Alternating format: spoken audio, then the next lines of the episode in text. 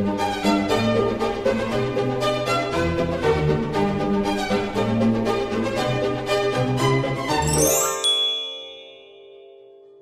och välkomna till Kungligt! Med Jenny Alexandersson. Och Sara Eriksson.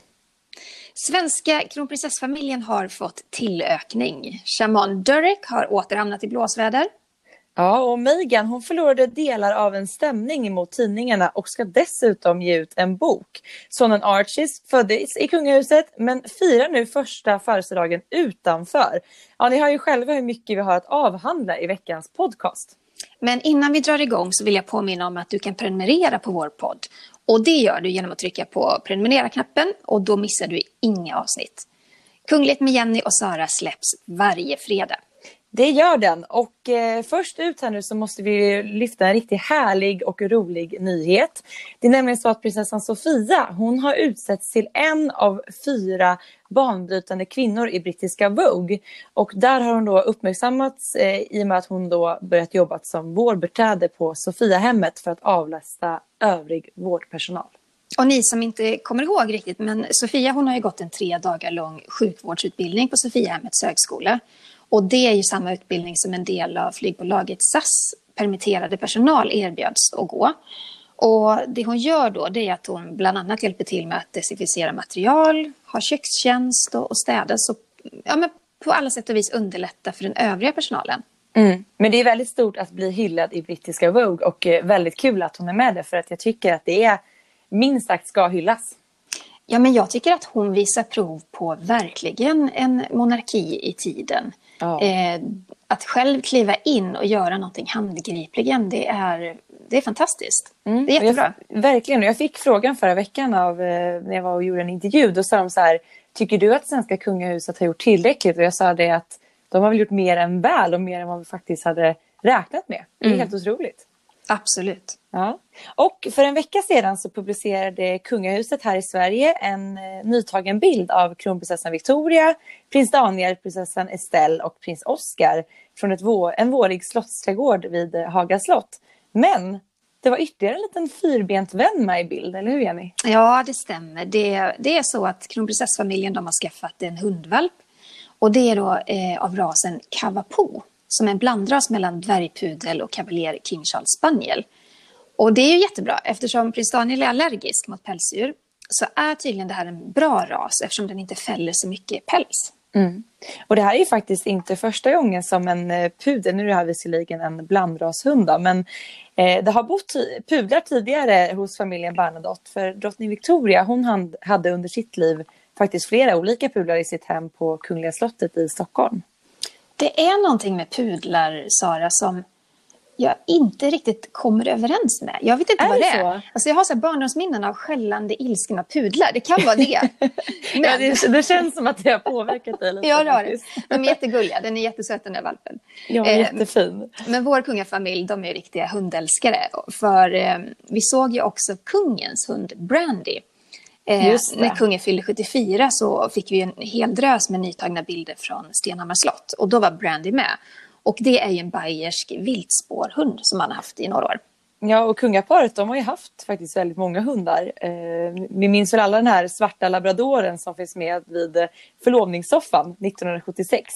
Den hunden hette ju då Ali men döptes sedan om till Charlie, tror jag? Ja, och det var ju för att det var så många som hade reagerat på att Ali skulle vara ett muslimskt namn och att det, det inte rimmade väl liksom att de gav det här namnet till hunden och sådär. Men eh, jag, jag, tror man försökte vara diplomatiskt där och ja, men då döpte de om den till Charlie istället. Helt enkelt. En diskussion som jag tror inte skulle hamna på tapeten idag om man säger så. Nej, det, nej, det tror inte jag heller. Nej, men nu har alltså Victoria skaffat en hund och det är ju inte så konstigt i och med att kronprinsessan är ju faktiskt extremt kär i alla slags djur. Hon har ju till och med haft en liten snigel som husdjur när hon var liten. Och eh, hennes första hund var en kavaljer King Charles spaniel som hette Sissi. Och den fick hon när hon var sju år. Och apropå hundraser som man tycker om så är det min drömhundras. Mm. Någon gång i mitt liv ska jag ha en sån liten hund. De, var, de är jättesöta. Ja. Och prins Carl Philip och prinsessan Sofia de har ju en border terrier som heter Siri.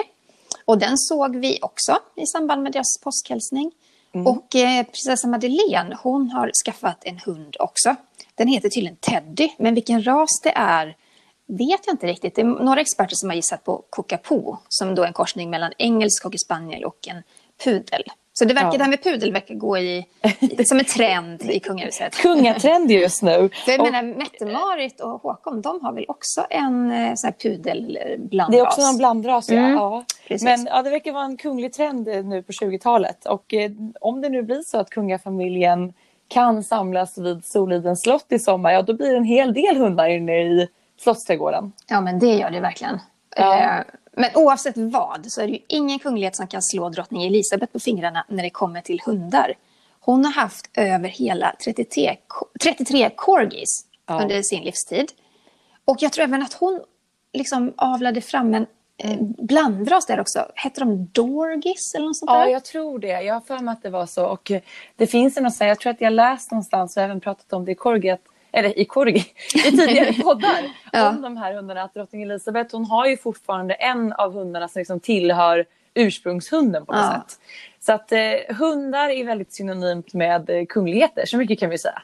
Så är det. Men ja. nu ska vi prata om något helt annat. Eh, vår favoritperson kanske, eller?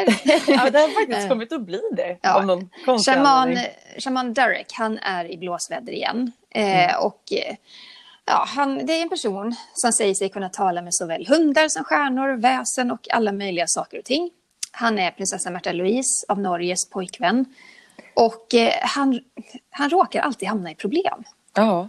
ja, men var ska man ens börja när det kommer till den här mannen? För att så fort det har varit lite, lite lugnt kring honom, ja men då blåser stormen upp igen. Det är som att han bara liksom måste uttala sig om så irrationella och oberäkneliga saker som får enorm kritik. Mm. Han släppte ju sin bok Spirit Hacking förra året. Eh, den blev stoppad i både Sverige och Norge och anledningen var ju bland annat att han påstår att barn får cancer för att de är olyckliga. Mm. Och, ja, alltså, vi behövde ens kommentera det, det är så galet. Men den här förla förlagschefen i Norge sa bland annat att manuset borde ha granskats tidigare och slutsatsen är att boken aldrig borde ha antagits. Ja, och i samband då med att eh, hela den här coronakrisen bröt ut och drog igång, ja, men då var ju såklart shamanen väldigt snabb med att berätta att han minsann redan hade förutspått den. Det förvånade väl ingen att det uttalet kom blir, från honom. Alltså, ursäkta mig, men jag blir, jag blir galen. Alltså det, jag tycker att alla får tro på precis vad de vill. Eh, shamanism, fine. Jag har inga problem med det överhuvudtaget. Men eh, det är inte bara det att eh, shamanen sitter och säger att han har förutspått den här katastrofen. Alltså, det är också så att hela hans Instagramkonto är fyllt av reklam, prylar som ska säljas. Oh. Det är så kommersiella, eh, tveksamma saker. Och det kan vi vara helt ärliga med. Han tjänar ju jättemycket pengar på att vara shaman. Mm. Eh, och, och dessutom då... dra kopplingen till eh, norska kungahuset och vara ja. tillsammans med norsk prinsessa vilket skapar ett enormt stort PR-värde och jag menar vi sitter och pratar om honom, om honom här och nu så att det är klart att han drar nytta av det.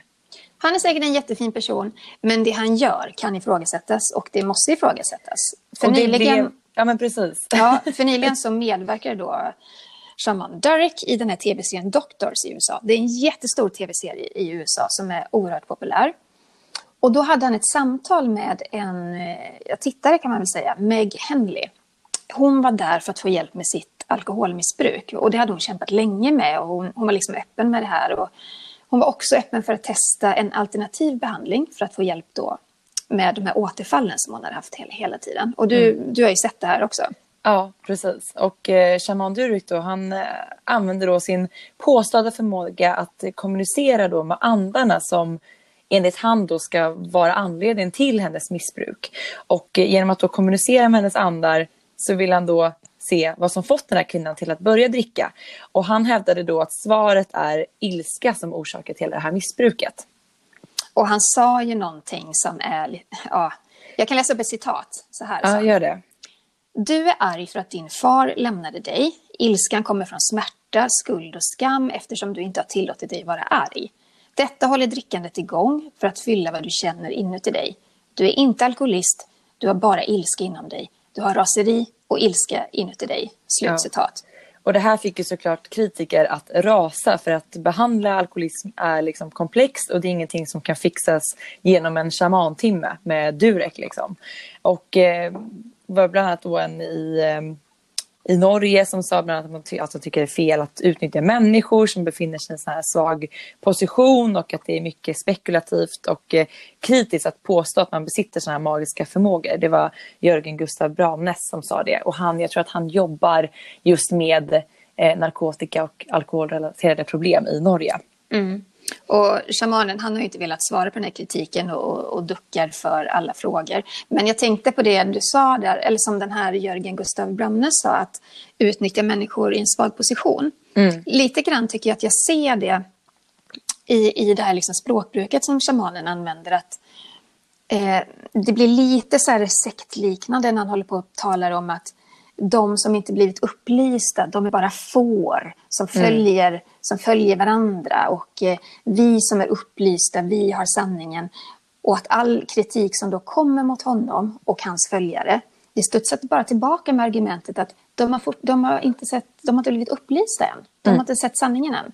Och det, just det, den eh, retoriken tycker jag är lite så här eh, sektliknande. Ja, och det bör ju också tilläggas att shamanen har ju på ett väldigt oblygt sätt visat sitt hat mot media.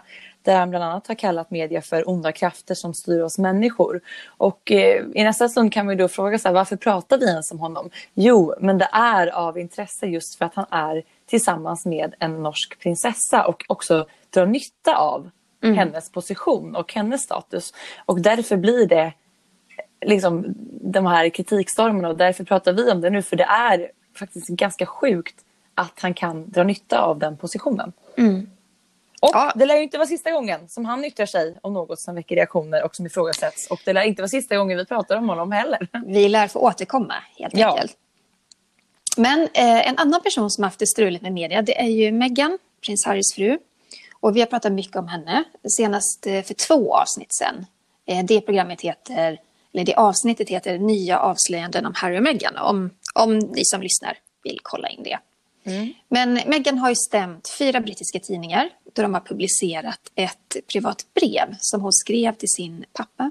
Och även sms då som hon har, eller de här sms har väl blivit offentliga i samband med den här juridiska processen helt ja, enkelt. Mm. Och nu då så är ju Meghan mitt uppe i en pågående rättsprocess mot eh, Associated Newspaper Eh, med Mail on Sunday i spetsen. Och landets högsta domstol har nu meddelat att de inte tänker att ta upp vissa delar av Megans stämning. Då mm, de helt enkelt inte har godkänt vissa delar av den eftersom att de inte var tillräckligt detaljerade beskrivna i den här stämningsansökan. Och det är ganska intressant tycker jag för att Domaren slog då fast att, eh, och då är det främst eh, Mail on Sunday som de har koncentrerat sig på. och domaren slog fast att tidningen inte orsakat någon skada mellan Meghan och hennes far, vilket Meghan då påstått. Eh, och Meghan påstår att det är tidningen som orsakat tvisten mellan henne och hennes far. Och det menar rätten, det kan man inte fastslå i domstol. Nej. Och de menar också att eh, tidningen har inte heller medvetet agerat illasin illasinnat när de bara publicerat utvalda delar av brevet. Och de menar även att tidningen inte haft någon dold agenda att publicera påträngande och kränkande uppgifter om Meghan, vilket hon då påstår. Mm. Så det är och, väl det det handlar om. Ja. ja. men precis och de har även strukit vissa delar eh, av Megans stämning då de till och med anser att de var irrelevanta för att liksom, driva brott mot missbruk av privat information. Och då handlar det då om det här om upphovsrättsligt intrång samt då brott mot lagen om dataskydd, alltså GDPR, som också har varit uppe på tapeten mm. i samband med att det här brevet publicerades. Mm. Och det här innebär ju att eh, Mega kommer få betala för den här delen av tvisten. Oh. Eh, och det är inte satt, jag tror inte den har riktigt datum satt för när själva rättegången, eh, alltså andra delen av den liksom drar igång. Nej. Men en talesperson för Megan har ju medgett att striden inte är avslutad och att eh, kärnfrågan finns kvar, även om då delar av den har strukits ur den här stämningsansökan. Och att de kommer ju fortsätta att driva det här framåt. Så vi har ju ännu inte sett hela slutet kan man väl säga. Nej, och det, vi pratade om det också tidigare, att, att dra igång en sån här stämningsansökan, eh, det innebär ju att fler privata sms eller eh, berättelser kommer liksom bli offentliga för allmänheten. Mm. Eh, Och vi har väl ifrågasatt det lite grann. Alltså jag förstår absolut att hon vill stämma vissa tidningar, men hon får ju också vara beredd på att det hon helst av allt vill avstå, det privata, det kommer ju visas upp för alla i en sån Ja, och vi rättegång. pratade väl också lite om att det faktiskt kanske kan ge mer skada än nytta då. Jag förstår att de vill sätta ner foten gentemot media och det är väl också i mångt och mycket därför de har valt att stämma de här tidningarna. Mm. Eh, Men det kommer ju också som du säger bidra till att vi kommer få ta del av än mer information som jag säkerligen tror att liksom Harry och Meghan inte vill att vi ska ta del av och kanske inte heller övriga brittiska kungahuset. Men samtidigt då som Harry och Meghan har lämnat det brittiska kungahuset, stämt tidningar, flyttat till Kanada, flyttat till Los Angeles, så har de även hunnit skriva en bok. Ja. Och i veckan så fick vi reda på fler detaljer och det har ju, ja men det är många röster som har höjts kring det här. Boken släpps den 11 augusti och förväntas bli en, ja, men en bästsäljare helt enkelt. Och den heter, lyssna här, Finding Freedom, Harry, Meghan and the Making of a Modern Royal Family. Ja, och författarna här de lovar ju då den definitiva storyn eh, och lovar då porträttera den, det verkliga hertigparet. Och eh, så skriver de även att få känner till den sanna historien om Harry och Meghan. Och eh, för första gången går Finding Freedom bortom rubrikerna för att avslöja okända detaljer om Harry och Meghans liv tillsammans och då skingrar de många rykten och missuppfattningar som plågar paret från båda sidorna av Atlanten. Den här boken känns som ett försvarstal, eller hur? Mm. Ja, men verkligen. Och eh, författarna då, Omid Scooby och Caroline Durand, de har ju båda bevakat den brittiska kungafamiljen i flera år. Och eh, ja, som sagt, de vill nu presentera sanningen och felrapporterade historier och eh, säger bland annat så här att det är citat det är tack vare våra källor som vi har haft möjlighet att dela med oss av den definitiva storyn om hertigen och hertiginnen av Sussex. Slutcitat. Och ja, vad har vi att vänta oss här egentligen? Ja, jag vet inte, men eh, enligt då Mail Online så har de här författarna lyckats få till en intervju med Meghan och Harry precis innan paret flyttade till Nordamerika. Och eh, den är 320 sidor lång. det, är klart, det är klart man vill läsa den, eller hur? Nu! Ja, Man vill läsa den nu. men, men jag måste återkomma till det här med bokens titel. Finding Freedom. Harry, Meghan Ja. and the making of a modern royal family. Men em, ja, ja, vad ska vi säga, Sara? Ja, men så här, anledningen till att de har valt att lämna det brittiska kungahuset det är ju dels, eller till största del för att de är trötta på uppmärksamheten från media. Att de inte vill vara en del av och verka som kungligheter och allt vad det innebär. Vad tror de då själva att den här boken kommer att bidra till? Och dessutom, det jag reagerar typ mest på, det är att de väljer att använda ordet royal som drottning Elizabeth på, liksom verkligen satte ner foten och sagt att ni får inte utnyttja den titeln om ni väljer att lämna kungahuset. Ja, men det är så galet. Och jag reagerar liksom på Finding Freedom. Alltså, ja, frihet från paparazzis, det, det kan jag förstå. Men frihet Ja. från den kungliga världen. Meghan hann ju bara uppleva den här världen i 18 månader och de valde själva att Ja. lämna kungahuset. Ja, men och om det är någonting som de borde ha lärt sig av på den här resan så är det ju att liksom, paret måste ju ändå ha blivit ganska medvetna om vad det är som retar upp folk. Och att de dessutom då väljer att trycka på hur så här, ordet hur vi skapar eller har skapat en modern kungafamilj som de inte ens längre utgör en del av. Nej, de lämnar ju den kungliga familjen. De vill inte vara en del av den. Och, eh, Så varför ska de då prata om hur de ska skapa en modern kungafamilj? Det är skillnad om de hade presenterat det och fortfarande haft en del av det. Ja, men då kan och förklarat inte- kanske de ska jobba, men det är det de inte kan. Nej, men de kan ju inte både vara kungliga och ställa sig utanför den kungliga världen. Återigen dessa Nej. dubbla signaler. Ja, och som man pratar om då i, i Storbritannien så är det så här att paret sätter sig återigen i en situation där de anklagas för caking. Alltså att de både vill ha kakan och äta den samtidigt. För det är ju exakt det budskapet som de faktiskt har Mm. förmedlat ända sedan i januari. Men vi kan konstatera att boken kommer säljas som smör i solsken. Eh, de kommer Ja. tjäna pengar på den. Eh, men de kommer också reta upp väldigt många människor. Och trycket från media, det kommer inte bli mindre. Alltså, vi märker redan nu innan boken ens är i butik att de får otroligt mycket hat, kritik.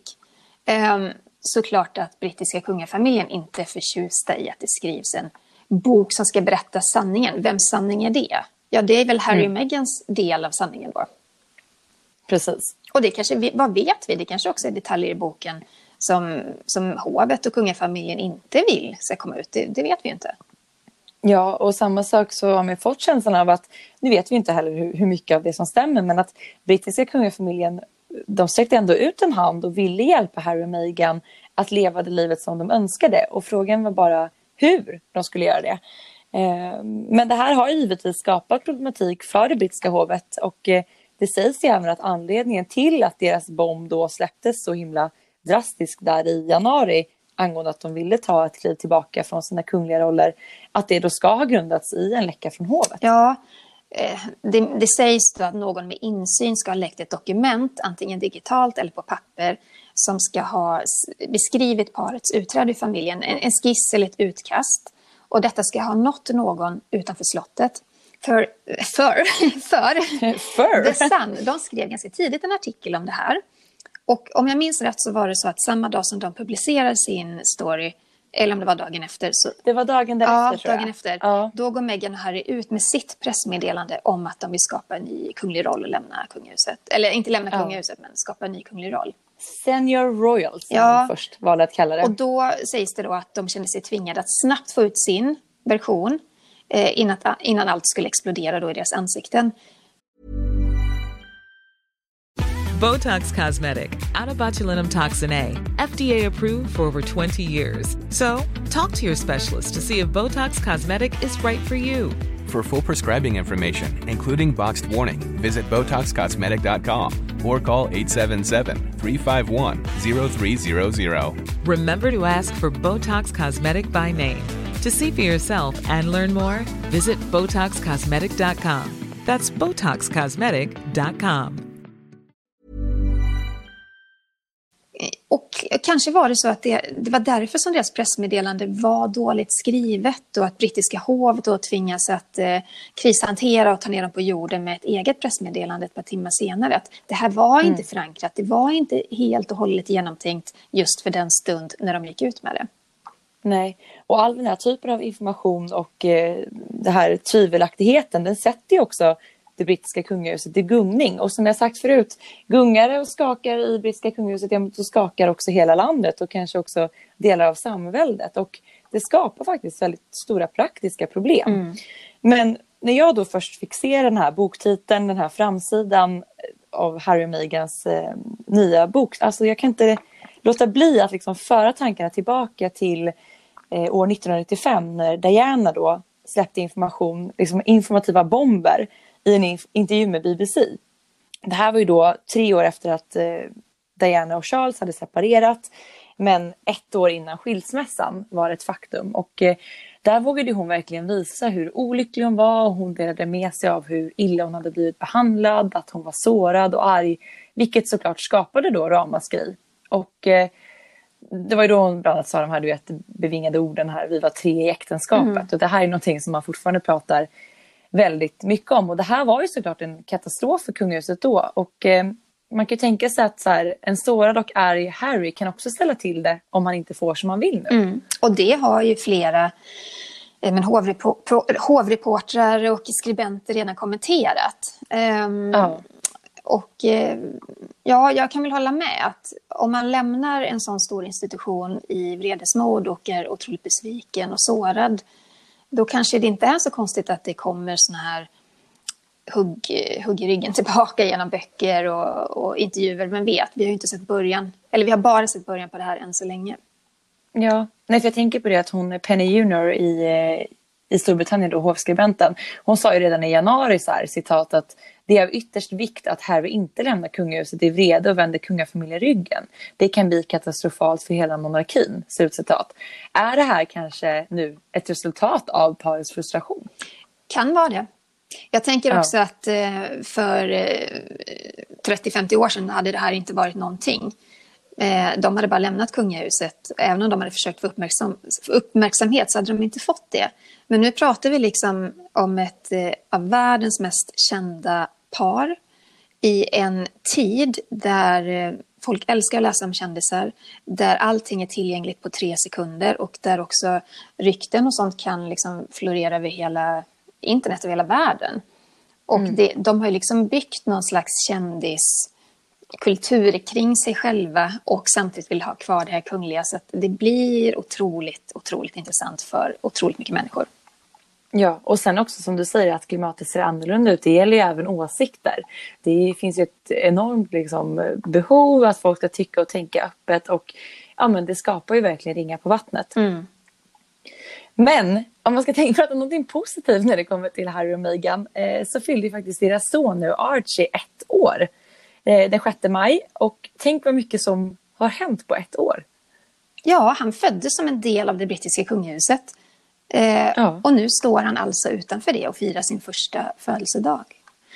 Ja, dessutom i Los Angeles. Ja, ja. Det var ju lite otippat. det tänkte man kanske inte då Nej. 6 maj förra året att han skulle bo där. Nej, men, det, men de här skillnaderna, om man då ska jämföra Archie med, med, med sina kusiner, barnen till William och Kate, så, så är det ju stor skillnad. Till exempel bestämde Harry och Meghan att de ska inte ha någon fotografering utanför St. Marys sjukhus där den föddes. Det ska inte vara fotografer vid dopet. Inga faddrar ska offentliggöras. Och då kan man ju förstå, när man tittar tillbaka, att eh, de, det här började redan då, att de ville gå sin egen väg och, och göra Ja. som de ville. Ja, men det är lätt så här att titta i backspegeln och kanske så här se de här signalerna och mönstren där, man, där de kanske redan då började så här smida planer för hur de successivt skulle kunna backa och lämna Mm kungahuset i och med att media i stort sett var portade från hela Archies födelse. Ja. Men Men numera bor de ju i Los Ja, Angeles och vi fick- vi fick faktiskt en film. Ja, men det fick vi. Den var, den var gullig, måste jag säga. Den var jättefin. Meghan läser en saga för Archie och Harry står bakom kameran och filmar. Och det, det här är en del i ett välgörenhetsprojekt för att locka barn att läsa mer. Och Meghan avslöjade faktiskt sitt smeknamn på Archie. Och det är Arch. Inte helt otippat. Vilket- inte helt otippat, verkligen inte. Vi kan faktiskt lyssna på en liten del av hur det lät. He's about to eat a carrot. Let's go to the next page. Look, Arch. That's the cover. Let's go to the next page. Wait, listen. Did you hear that? I heard duck sounds. Quack. Quack, quack, quack. Quack, Quack, quack. quack, quack. That's funny. I distinctly heard rabbit sounds. Now the duck is wading through the swamp. No, the rabbit is hiding in the grass. There, see? Look, Archie. It's flying. Flying. It's hopping. So let's turn the page. Look, the duck is so hot, he's getting a drink of water. No, the rabbit is so hot, he's cooling off his ears. That's the sun, and what's that? Fish. Fish, fish, fish. Let's turn the page. Let's see what else happens. Look, look at the duck through my binoculars. Sorry, still a rabbit. Let's turn the page. Then what happens? Let's turn the page. Here, ducky, ducky. Here, you cute little rabbit. Oh, great. You scared him away. Archie, look, you didn't scare him away. You- I didn't scare him away. You scared him away. Let's finish this book first, then we'll have that book. You know, maybe you were right. Maybe it was a rabbit. Thing is, now I'm actually thinking, uh oh, that it was a duck. Should we Det jag tänkte absolut först på när jag såg det, det var ju att Megan ser ju otroligt lycklig ut. Det måste man ju ändå säga. Ja, det tycker jag. Och eh, jag tycker hon är väldigt gullig med sin lilla son. Jag hade kanske velat Mm. se Harry också på bild. Det hade varit kul. Man hörde honom lite i bakgrunden när han skrattade Ja. lite när Archie så här kastade ner böckerna. Ja, men. Men det hade varit kul att se dem allihopa samlade. Men eh, böcker eller ej så hoppas vi i alla fall att de är lyckliga Mm. i sin nya situation. Någon som syns mer än Harry, det är faktiskt hans bror eh, eh, prins William. Och Ja. Han har synts mycket mer än tidigare under den här eh, coronakrisen. För tillsammans med sin fru Kate så är ju de just nu kungahusets frontfigurer. Därför att drottning Elizabeth hon befinner sig isolerad på Windsor Castle med sin man, prins Philip. Och prins Charles själv, han har ju varit sjuk, han är friskförklarad nu. Men, men jag tycker ändå att det är William och Kate som har synts mest den här tiden. Ja, men det har ju blivit naturligt att det är de som sköter liksom det kungliga arbetet i fronten i och med att de heller inte utgör någon eh, riskgrupp. Och de har gjort såväl fysiska besök som, eh, som blandas med videomöten och hälsningar och faktiskt har vi fått tagit del av lite humor också. Eh, det var nämligen så att William deltog i BBCs program Big Night In där han då i samtal med komikern Stephen Fry på ett skämtsamt, sätt då talade om hur svårt det är att nu undervisa barnen hemma. Och sen när William då skulle gå iväg för att inleda de här applåderna för sjukvårdspersonalen då skämtade han lite och sa det att innan han skulle resa sig upp att jag måste bara hitta mina strumpor, skor och byxor först just för att det är många som nu sitter hemma på videomöten och bara är finklädda upp till. Så det är lite så här kul att få lite sådana glimtar från det annars lite så stela och tillrättalagda William och Kate. Ja, delen. och sen fick vi se ett klipp också i samma program där han och Kate och barnen eh, klev ut genom eh, sin ytterdörr och ställde sig utanför och började applådera för vårdpersonalen i Storbritannien. Och det är ju ja. så att varje torsdag så applåderar britterna för all vårdpersonal. Och det, jag har sett olika klipp på det. Det ser helt fantastiskt ut när hela stan liksom står på balkonger eller utanför dörrar och, och klappar. Ja. Och det var ju faktiskt också någonting som var med som ett inklippt eh, filmdel liksom, i drottning Elisabeths tal. Där hon också då hyllade mm. att det här sker, att det är en väldigt fin gest. Men nu har ju William då beviljat tillstånd för London Air Ambulance eh, besättningar att få använda en privat gräsmatta utanför då deras hem, Kensington Palace, för att då kunna landa och tanka helikoptrarna. Och eh, prins William var, blev beskyddare av eh, London Air Ambulance eh, Charity i mars. Bra initiativ, jättebra. Verkligen. För normalt mm. sett så används ju helikopterplattan utanför slottet för kungafamiljens privata helikoptrar. Men nu hoppas ju William då att de ska kunna rädda fler liv genom att låta helikoptrarna tanka hemma hos honom istället. Det kanske blir kortare avstånd helt, helt enkelt. Yes. Mm. Bra initiativ och bra att det hyllas. Och bra William. Ja. Verkligen i fronten nu. En annan person i den här kungliga världen som faktiskt eh, tar tillfället i akt att göra bra saker. Eh, det är drottning Silvia. För hon gav en exklusiv intervju med Aftonbladet i början av veckan och berättade ja, men väldigt så generöst och, om sitt arbete men om sin och kungens situation vid Stenhammars slott, hur vardagen ser ut. Och det har ju mm. gått två månader nu sedan hon och kungen träffade sina barn och barnbarn ansikte mot ansikte. Och istället så gör de ju som alla vi andra och använder den digitala tekniken. Och då sa hon faktiskt så här att de använder Facetime jätteofta. Och så sa hon ja. så här, ja men någon kanske har sett hela vår familj vinka till varandra. Och det var ju den här påsk, påskvideon tror jag hon menar. Just men hon berättade ja. också då att hon har aldrig haft så mycket tid som nu att skriva till barnen och till släktingar och skicka små filmer.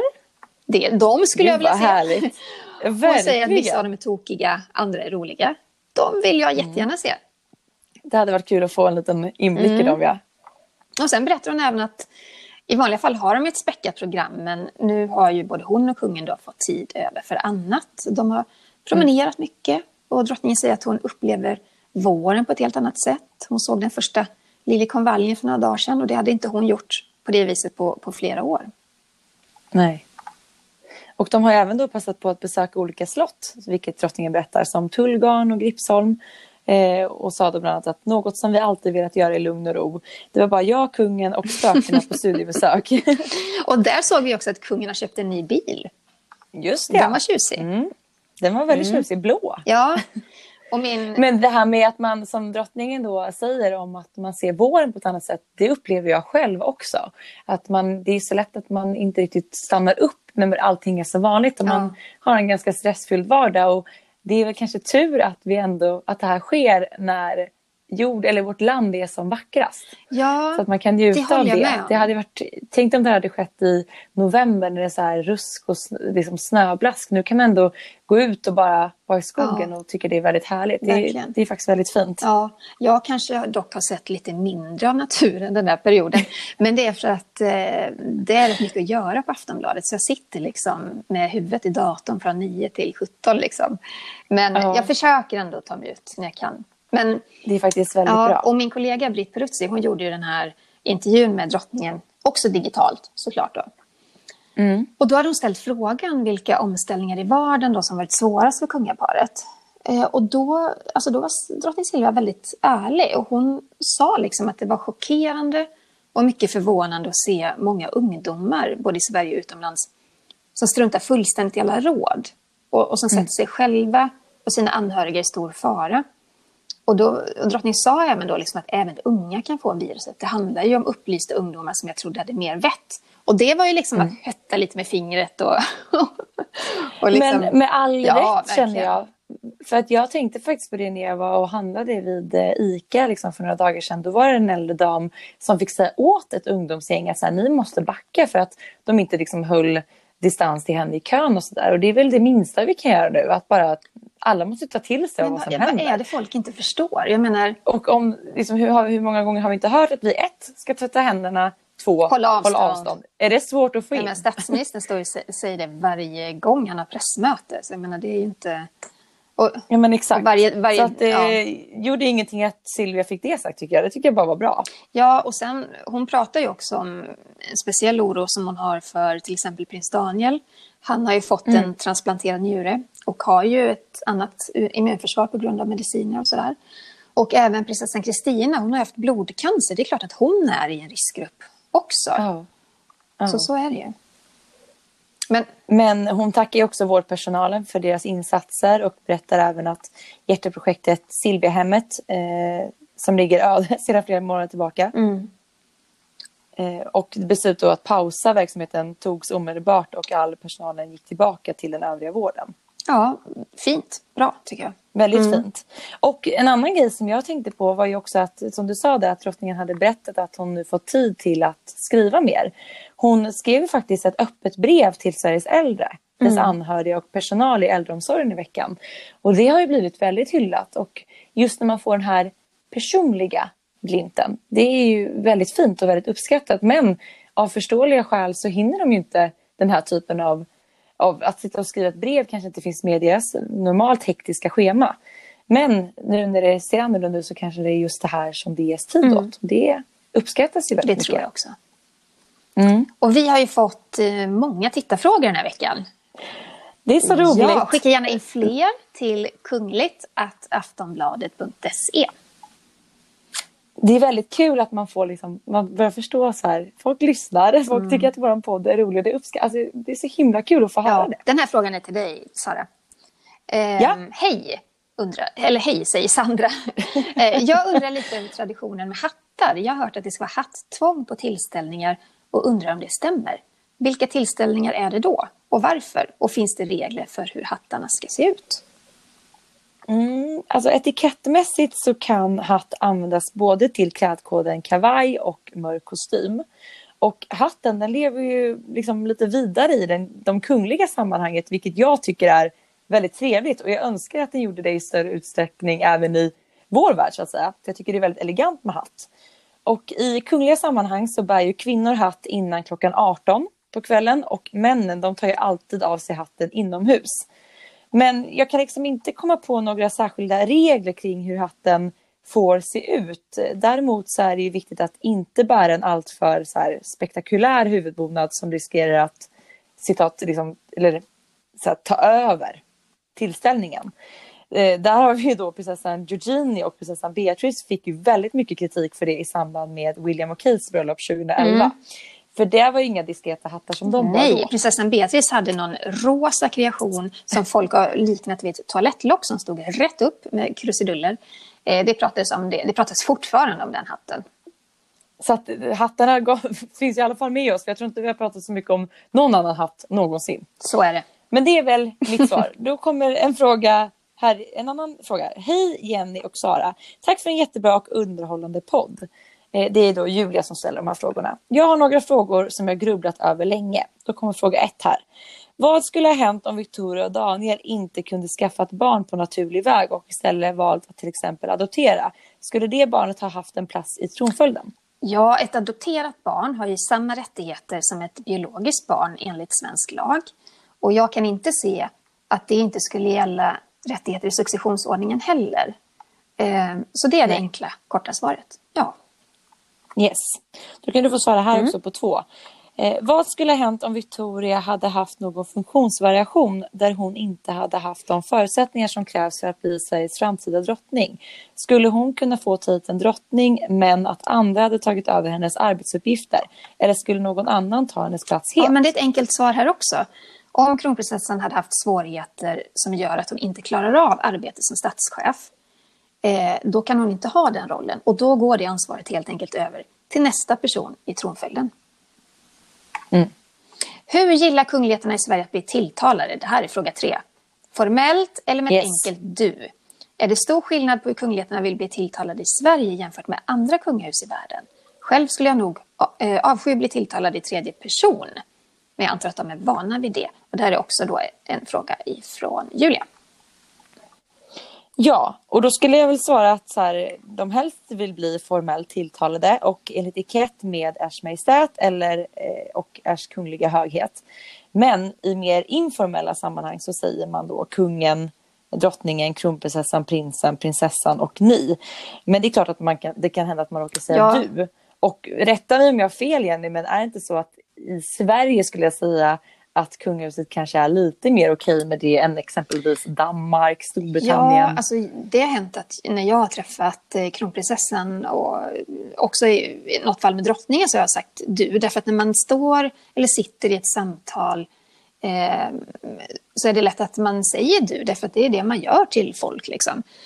Inte någon Ja. gång har någon av dem blivit sur eller ens blinkat eller reagerat. Utan de, de vet att det händer. Och just när man sitter och liksom pratar som två människor de har stor förståelse för det. Alltså verkligen inga sura miner.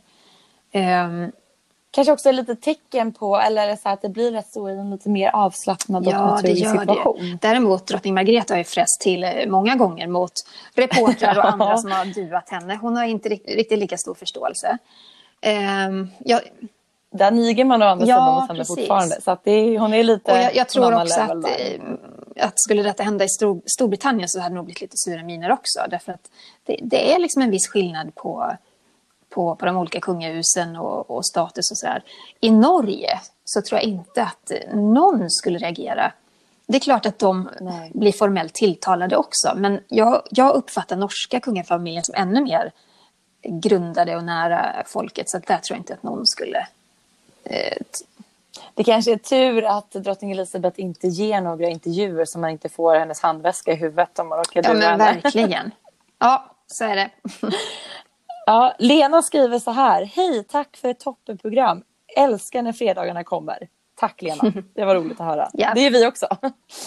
Här är, eh, har en fråga. Estelle har ju en engelsktalande nanny. Hur är det för Madeleines barn? Lär de sig Ja, men det har ju svenska? Madeleine, det har vi pratat om, bland annat i Skavlan. Att Madeleine talar svenska med barnen och Chris, han pratar engelska med barnen. Ja, då blir det naturligt för dem att lära sig Mm. båda språken. Vad fort det går när man Eller har roligt och poddar. Avsnittet är avklarat, vi är färdiga. Många Ja. ämnen som vi hann gå igenom Glöm inte att idag. skicka fler frågor till kungligt aftonbladet.se. Och ni, Och glöm inte att följa oss också på sociala medier. jag finns på Instagram, kungligt med Jenny. Och jag heter royalistan.se där. Och vi fortsätter att podda på distans och eh, Kunglig Kungligt släpps varje fredag. Hej då! Hej då!